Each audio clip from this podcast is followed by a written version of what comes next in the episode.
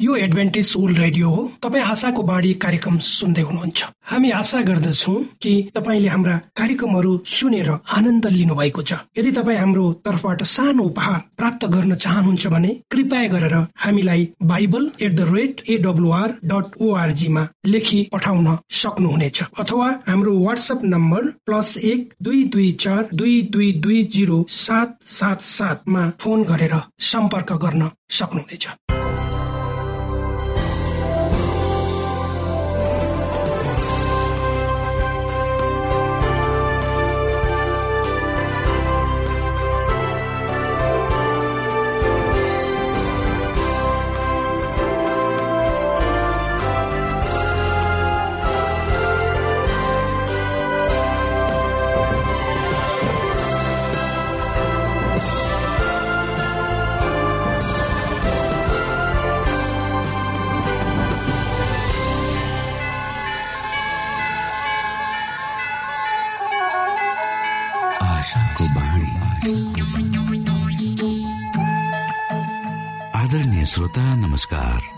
समय तपाईँ Adventist world रेडियोको प्रस्तुति भोइस अफ होप आशाको बाणी कार्यक्रम सुन्दै हुनुहुन्छ।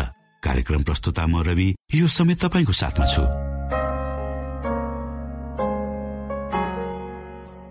आशाको बाणी कार्यक्रम सुन्नको निमित्त पर्खेर बस्नुहुने समस्त प्यारा श्रोता वर्गमा हामी न्यानो अभिवादन व्यक्त गर्दछौँ। हाम्रा महान परमेश्वरको प्रेम यसो ख्रिस्टको अनुग्रह र पवित्र आत्माको अगुवाईका विषयमा साँचो र सही सन्देश प्रस्तुत गर्ने क्रममा हामी छौँ र श्रोता दैनिक तपाईँले यी अध्ययनहरूका विषयमा सुन्दै जाँदा मनन गर्दै जाँदा तपाईँको जीवनबाट पनि ख्रिस्टको उपस्थिति झल्किन सकेको होस्। क्रिससँगको संगतिमा तपाईँले आदित्य आशिषको अनुभूति गर्न सक्नु भएको होस् भन्ने शुभेच्छा सहित हामी हाम्रो कार्यक्रमलाई अगाडि बढाउने अनुमति चाहन्छौ। सधैँ सुरुमा हामी यो मधुर क्रिस्टीय भजन सुन्नेछौँ।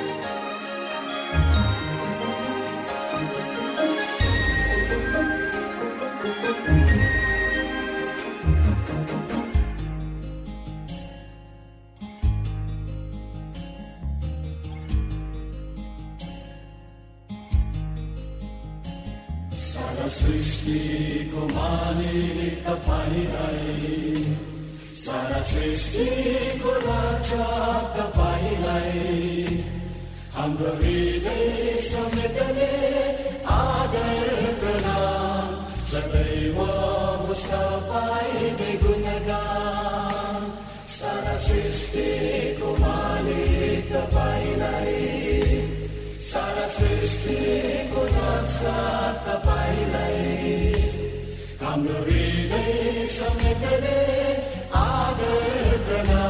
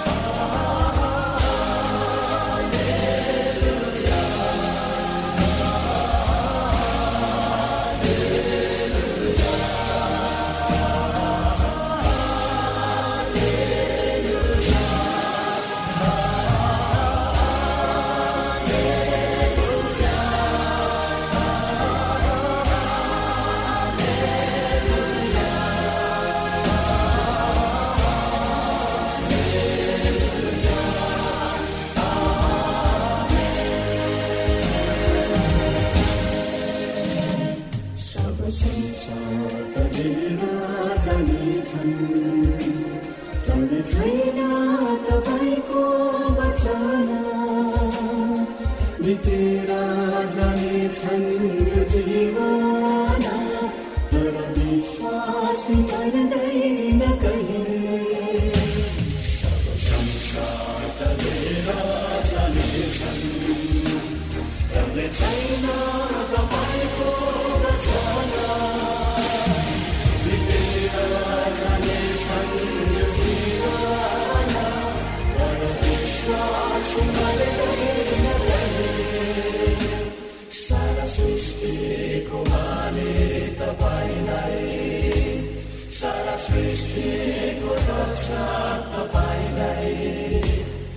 हाम्रो हृदय समेतले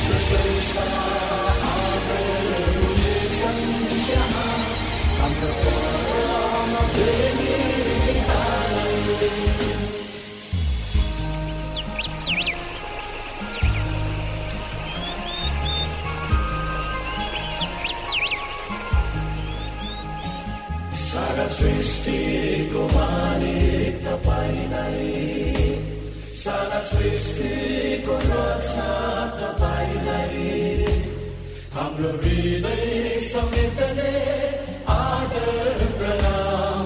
सदैव तपाईँकै गुणगान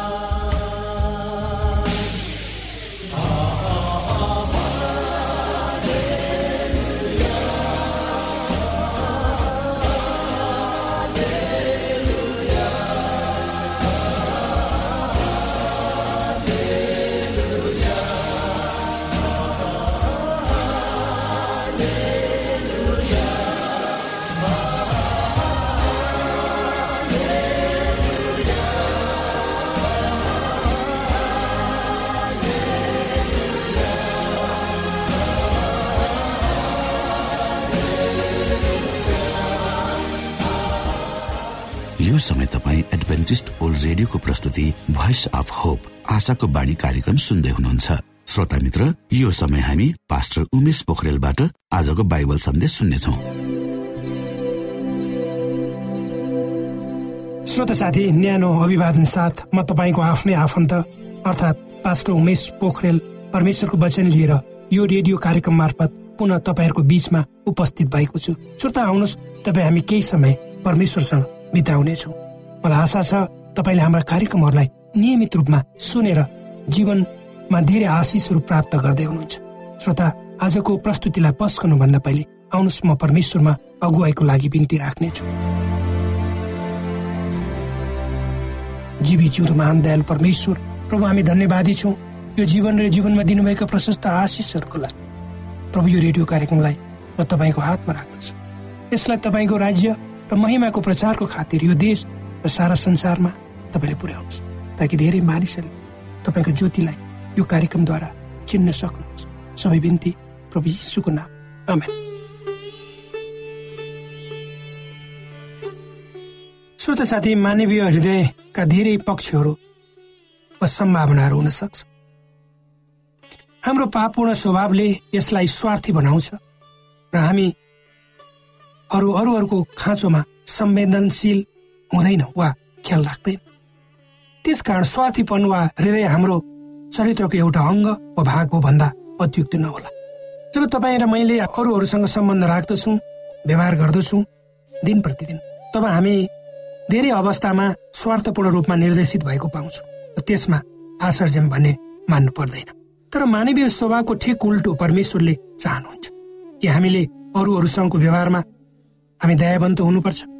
अर्थात् हामीहरू सदैव सचेत रहनुपर्छ। हाम्रो आवश्यकता अरूहरूको निम्ति कति पर्छ भने। दयावन्त हृदय सही वा साँचो प्रेमले डोर्याएको हुन्छ जसमा अरूप्रतिको प्रेम हुन्छ। हामी मानिस जातिहरू सबै परमेश्वरका सन्तान हो हुन। सक्छ केहीले मात्र उहाँलाई ग्रहण गरेका छौँ र केहीले गरेका छैनौँ। तर परमेश्वरले हामी सबैलाई एकै रूपमा एकै समानले प्रेम गर्नुहुन्छ। उहाँले हामी सबैलाई वर्षा दिनुहुन्छ त्यसै गरी घाम पनि दिनुहुन्छ। हामी सबैले एउटै हावाबाट सास लिन्छौँ र एउटै मुहानको पानी पिउँछौँ। त्यसै कारण हामी सबैले प्रत्येक मानिसलाई हाम्रो दाजुभाइ दिदी र दिदी बहिनीको रूपमा लिनुपर्छ जसको निम्ति प्रभु यीशु क्रिस्ट मर्नुभयो। श्रोत साथी जसले अर्कोलाई क्षमा दिन्छ त्यसले परमेश्वरसँग काम गर्छ। किनकि परमेश्वरको काम भनेको क्षमा दिनु हो।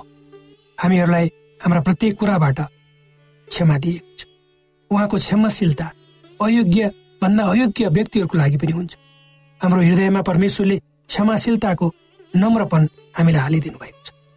त्यसैले त पावल प्रेरित एपिसीका विश्वासीहरूलाई लेखेको आफ्नो पत्रमा भन्छन् जसरी परमेश्वरले ख्रिस्टमा तिमीहरूलाई क्षमा गर्नुभयो। त्यसरी नै एउटाले अर्कालाई क्षमा गरेर तिमीहरू एउटा अर्को प्रति कोमल मनका र दयालु हो। हो स्वत साथी विश्वासको महत्व भनेको एउटा आत्मिक अनुभव हो। र यो बिना हामीले परमेश्वरसँग सम्बन्ध स्थापित गर्न सक्दैन। हामी विश्वासद्वारा नै उहाँको नजिक लगिन्छौँ र उहाँबाट पाउने पुरस्कार प्राप्त गर्दछौँ। तर यो कुरा जान्न आवश्यक छ कि परमेश्वरले सबैलाई पुरस्कृत गर्नुहुन्न। तर ज जसले उहाँलाई खोज्छन् तिनीहरूलाई मात्र उहाँले पुरस्कृत गर्नुहुन्छ। परमेश्वरलाई खोज्ने काम भनेको सक्रिय निरन्तर र निश्चलतापूर्वक हुनुपर्छ र यसलाई हामीले उहाँको शक्तिद्वारा गर्न सक्छौँ। त्यसको निम्ति उहाँको वचन दैनिक रूपमा पढेर प्रार्थनाद्वारा मात्र सम्भव छ। हाम्रो विश्वासको पुरस्कार परमेश्वर माथिको विश्वासद्वारा प्रकट हुन्छ। र यो परमेश्वरलाई खोज्ने कार्य र हाम्रो जीवनको अन्तिम उद्देश्य प्रत्येक मानिसको जीवनमा साथसाथ अगाडि बढ्छ र बढेको हुनुपर्छ। आज मानिसहरूले उहाँलाई तल खोलाहरूमा मरुभूमिहरूमा पहाडहरूमा खोज्छन्। त्यसको साथसाथै उनीहरू लामो यात्रामा विभिन्न ठाउँमा जान्छ। उहाँलाई भेट्टाउने आशा तर उहाँ त साधारण हृदयमा विनम्र आत्मामा पाइनुहुन्छ। उहाँ त तपाईँ भित्रै हुनुहुन्छ। अर्थात् परमेश्वर पश्चातापी र नम्र हृदयमा पाइनुहुन्छ। ज जसले उहाँलाई खोज्छन् तिनीहरूलाई थाहा हुनुपर्छ कि उनीहरूका वरिपरि भएका कुराहरूद्वारा परमेश्वरले आफ्नो शक्तिको उपस्थिति देखाउनुहुन्छ भनेर। यही अवस्थाले मानिसमा विश्वास उत्पन्न गराउँछ। त्यही विश्वासको कामद्वारा ऊ अगाडि बढ्छ। एउटा ढाडस लाग्दो विचार यो छ कि परमेश्वरले हामीलाई उहाँको नजिक लानुहुन्छ। त्यसैले त प्रभु येसु भन्नुहुन्छ मलाई पठाउनु हुने पिताले खिच्नु भएन भने कोही म कहाँ आउन सक्दैन। जब तपाईँ हामी हाम्रो जीवनमा परमेश्वरको आवश्यकतालाई बुझ्दछौँ र उहाँको क्षमाशील चरित्रलाई देख्छौँ तब हामी उहाँलाई पूर्ण रूपमा विश्वास गरी आफ्नो इसाई जीवन उहाँको अगुवाईमा अगाडि बढाउँछौँ र हामी ज्योतिका सन्तान भई हिँड्छौँ र हाम्रो ज्योतिले अन्धकारमा भएका धेरै मान्छेलाई प्रकाश दिन्छ। हामी स्वत साथी हामीहरू हाम्रो जीवनमा आफ्नो लक्ष्यहरू निर्धारण गर्दछौँ र ती लक्ष्यहरू प्राप्तिको निम्ति प्रयास र प्रयत्न पनि गर्दछौँ निरन्तर गर्दछौँ गरिरहेका छौँ। जो मानिस आफ्नो जीवनमा कुनै लक्ष्य नराखी अगाडि बढेको हुन्छ त्यो अन्त्यमा शून्यतामा मात्र पुग्छ। उद्देश्यहीन जीवनले कसैलाई फाइदा पुर्याउँदैन। प्रभु येसुले तपाईँ हामी सबैको निम्ति ठिक र सबभन्दा उत्तम लक्ष्यको स्थापना गर्नुभएको छ। त्यो हो परमेश्वरको धार्मिकता। उहाँलाई थाहा थियो कि सही मार्गहरूको रेखाङ्कन गर्नाले मात्र उक्त स्थानमा पुग्न सकिन्छ। अर्थात् हाम्रा जीवनका सही प्राथमिकताहरूको निर्धारणले हामीलाई लक्ष्यमा पुग्नको निम्ति तयार गर्दछ। त्यसैले उहाँले भन्नुभएको छ कि क्षणिक कुराहरू प्राप्तको निम्ति हामीले हाम्रो शक्तिलाई व्यर्थमा राखेर फाल्नु हुँदैन। त्यसैले उहाँले आफ्ना चेलाहरूलाई आफ्नो निम्ति पृथ्वीमा धन सम्पत्ति नथोपार जहाँ किरा र खियाले ती नष्ट पार्छ जहाँ चोरहरूले घर फोरेर ती चोर्छन् तर आफ्नो निम्ति स्वर्गमा धन सम्पत्ति थुपार जहाँ किराले वा खियाले नष्ट पार्दैनन् भनेर भन्नुभएको छ। हाम्रो हृदय ती चिजहरूमा हुन्छन् जसको निम्ति हामीले समय दिन्छौँ वा समय खर्च गरेका छौँ।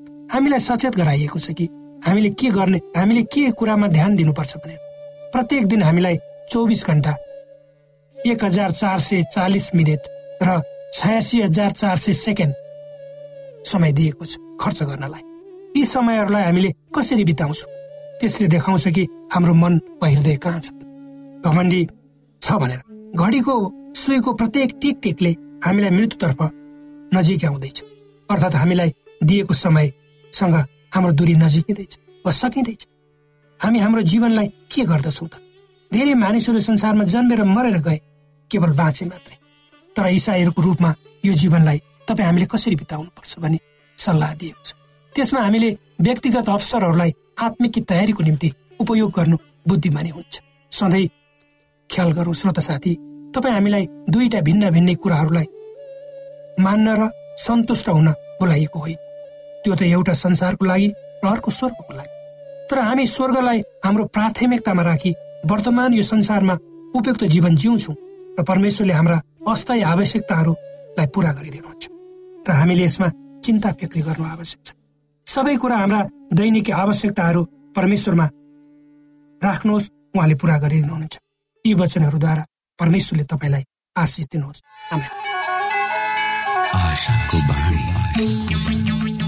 श्रोता भर्खरै यहाँले पास्टर उमेश पोखरेलबाट बाइबल वचन सुन्नुभयो। यो समय तपाईँ एडभेन्टिस्ट ओल्ड रेडियोको प्रस्तुति भोइस अफ होप आशाको बाणी कार्यक्रम सुन्दै हुनुहुन्छ।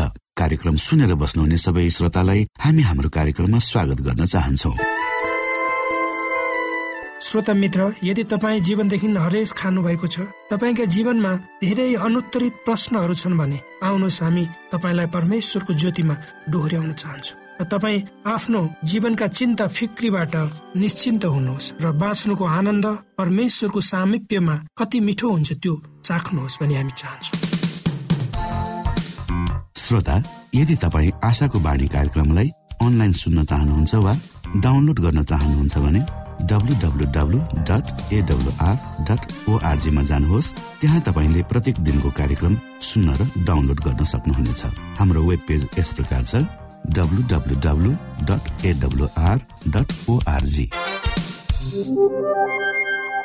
श्रोता यदि तपाईँ हामीसित सिधै फोनमा सम्पर्क गर्न चाहनुहुन्छ भने हाम्रा नम्बरहरू यस प्रकार छन्।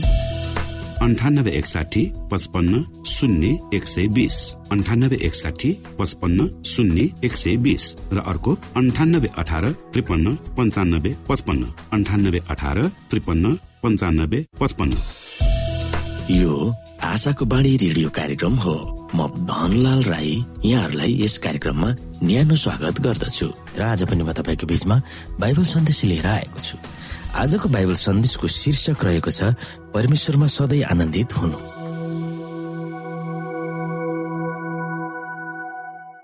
श्रोता साथी आजभोलि हाम्रो मोबाइलमा अत्याधिक प्रयोग गरिने प्रोग्राम हब गुगल नक्साहरू मोबाइलमा नक्सा हेर्ने बानी भएका कतिपय मानिसहरूले पहिला कसरी ठाउँहरू चिन्थ्यो भन्ने कुराको याद पनि छैन होला। कागजी नक्सा हेरेर हामी चल्न थाल्यौँ भने हामीले चाहेको ठाउँमा पुग्न सक्छौँ तर गुगल नक्साले विदेशमा पनि नौलो ठाउँमा सजिलैसँग विश्वस्त साथ त्यसको अगुवाईमा पुग्न सक्छौँ। यस किसिमको विश्वस्ता कि परमेश्वरले दिन चाहनु भएको विश्रामको चित्रण हुन सक्छ? र जुन भविष्यवाणीको तालिकाबाट उहाँले हामीलाई औल्याउन चाहनु भएको छ कतिपय समयमा हाम्रो मोबाइलको नक्सामा भुल गरेर गलत ठेगाना राख्छौँ होला वा हामीलाई थाहै नै छ भनेर छोटो बाटोबाट चाहेको ठेगानामा पुग्न खोज्छौँ होला तर हामीले नचाहेको ठाउँमा जान सक्छौँ जहाँ हाम्रो दिमागमा शान्ति हुँदैन वा अलमल्लमा पर्दछ। मोबाइलबाट देखाउने नक्सा वा जिपिएस जुन यातायातहरूमा पनि जडान गरिन्छ। नेपालमा यो धेरै प्रयोग नभए तापनि अरू देशमा यो सुविधा नभई नहुने भइरहेको छ। यसले गर्दा कागजी नक्साको मान्यता घटिरहेको छ। यस पीडादायी र अलमल्लमा परेको संसारको बीचमा सत्य वा सक्कली विश्राम वा सत्य आनन्द वा शान्ति कसरी पाउँछौ भनेर पावलले हामीलाई फिलिपी चार अध्यायको चारदेखि नौ पदमा कसरी बताउँछन्। हामी हेर्न सक्छौ प्रभुमा सधैँ आनन्द गर म फेरि पनि भन्दछु आनन्द गर। तिमीहरूको सहनशीलता सबै मानिसहरूलाई थाहा होस्। प्रभु नजिकै हुनुहुन्छ। कुनै कुरामा चिन्तित नहो तर हरेक कुरामा प्रार्थना र निवेदनद्वारा धन्यवाद सहित तिमीहरूका बिन्ती परमेश्वरमा जाहेर हुन् र समझले नै भ्याउन नसकिने परमेश्वरको शान्तिले तिमीहरूका हृदय र तिमीहरूका मनलाई यसुमा रक्षा गर्नेछ। अन्त्यमा भाइ हो जे कुरो सत्य छ जे कुरो आदरणीय छ जे कुरो न्यायसँग छ जे कुरो शुद्ध छ जे कुरो प्रेम योग्य छ जे कुरो कृपामय छ यदि केही श्रेष्ठता प्रशंसाको योग्य केही छ भने यिनै कुरामा विचार गर।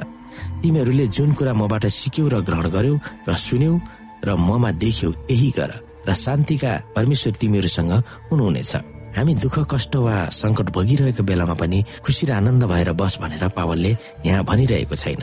तर उनले भन्न खोजेको कुरो यो हो कि प्रभुमा सधैँ आनन्द गर।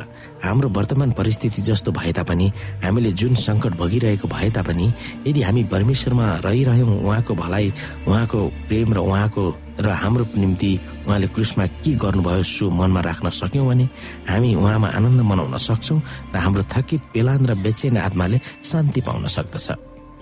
यस संसारले नदिने तर अपार आशा विश्वास र शान्ति प्रभुमा नै पाइन्छ भन्ने जिक्री पावलले माथिका पदहरूमा हामीलाई व्यक्त गर्दछन्। कतिपय समयमा हामी बेकारको निम्ति चिन्ता फिक्री गर्छौँ वा बिति जाने कुराको निम्ति सुर्ता गर्छौँ। यदि हामी प्रभुमा छौँ भने हाम्रा आत्माहरूले कस्तो शान्ति पाइन्छ होला सो सोच्नु आवश्यक छ। यस संसारमा दुःख कष्ट आपत र सङ्कट पाइरहेका मानिसहरूको निम्ति यो व्यावहारिकता देखिँदैन तर हामी हेर्न सक्छौँ पावरले कस्तो चिन्ता र सङ्कटहरू भोगेका थिए। तर सबै थोक प्रेमिलो परमेश्वरको नियन्त्रणमा छ र उहाँले हामीलाई उहाँको राज्यमा उद्धार गर्नुहुनेछ भन्ने विश्वास र भरोसाले हाम्रो खलबलिएको दिमाग र जीवनलाई ठिक ठाउँमा राख्न सक्छ भन्ने कुरामा हामी दुविधामा पर्नु आवश्यक छैन। प्रभु नजिकै हुनुहुन्छ। यसको अर्थ के हो? यसको अर्थ उहाँ जहिले पनि हाम्रो नजिक हुनुहुन्छ।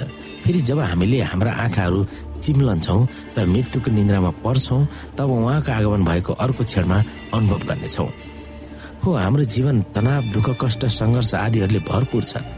हामी कोही पनि तिनीहरूबाट भाग्न सक्दैनौँ। न त यसु न त यसुका चेलाहरू नै भाग्न सके। यसुका हस्ती पावलको ज्याजती कष्ट दुई कोरन्ती एघारमा हामी हेर्न सक्छौँ अथवा हामीलाई दुई कोरन्ती एघारबाट छर्लङ्ग हुन्छ। ती सबै यातनाहरू हामीले भोग्नै परे तापनि जुन कुरो ख्रिस्टमा हामीलाई दिइएको छ त्यसमा हामी आनन्द हुन सक्छौँ। र अहिले पनि हाम्रा आत्मा दिमागहरूले विश्राम पाउन सक्छन् भनेर पावलले औल्याउँछन् हामी फिलिपी चार अध्यायको चारदेखि छसम्म पढ्न सक्छौ। तपाईँले जुनसुकै कष्ट आपत र सङ्कट भोगिरहनु भए तापनि पावलले यहाँ व्यक्त गरेका अचम्मका वचनहरूलाई हामीले कसरी प्रयोगमा ल्याउन सक्छौ यो तपाईँ र मैले सोच्नु पर्दछ।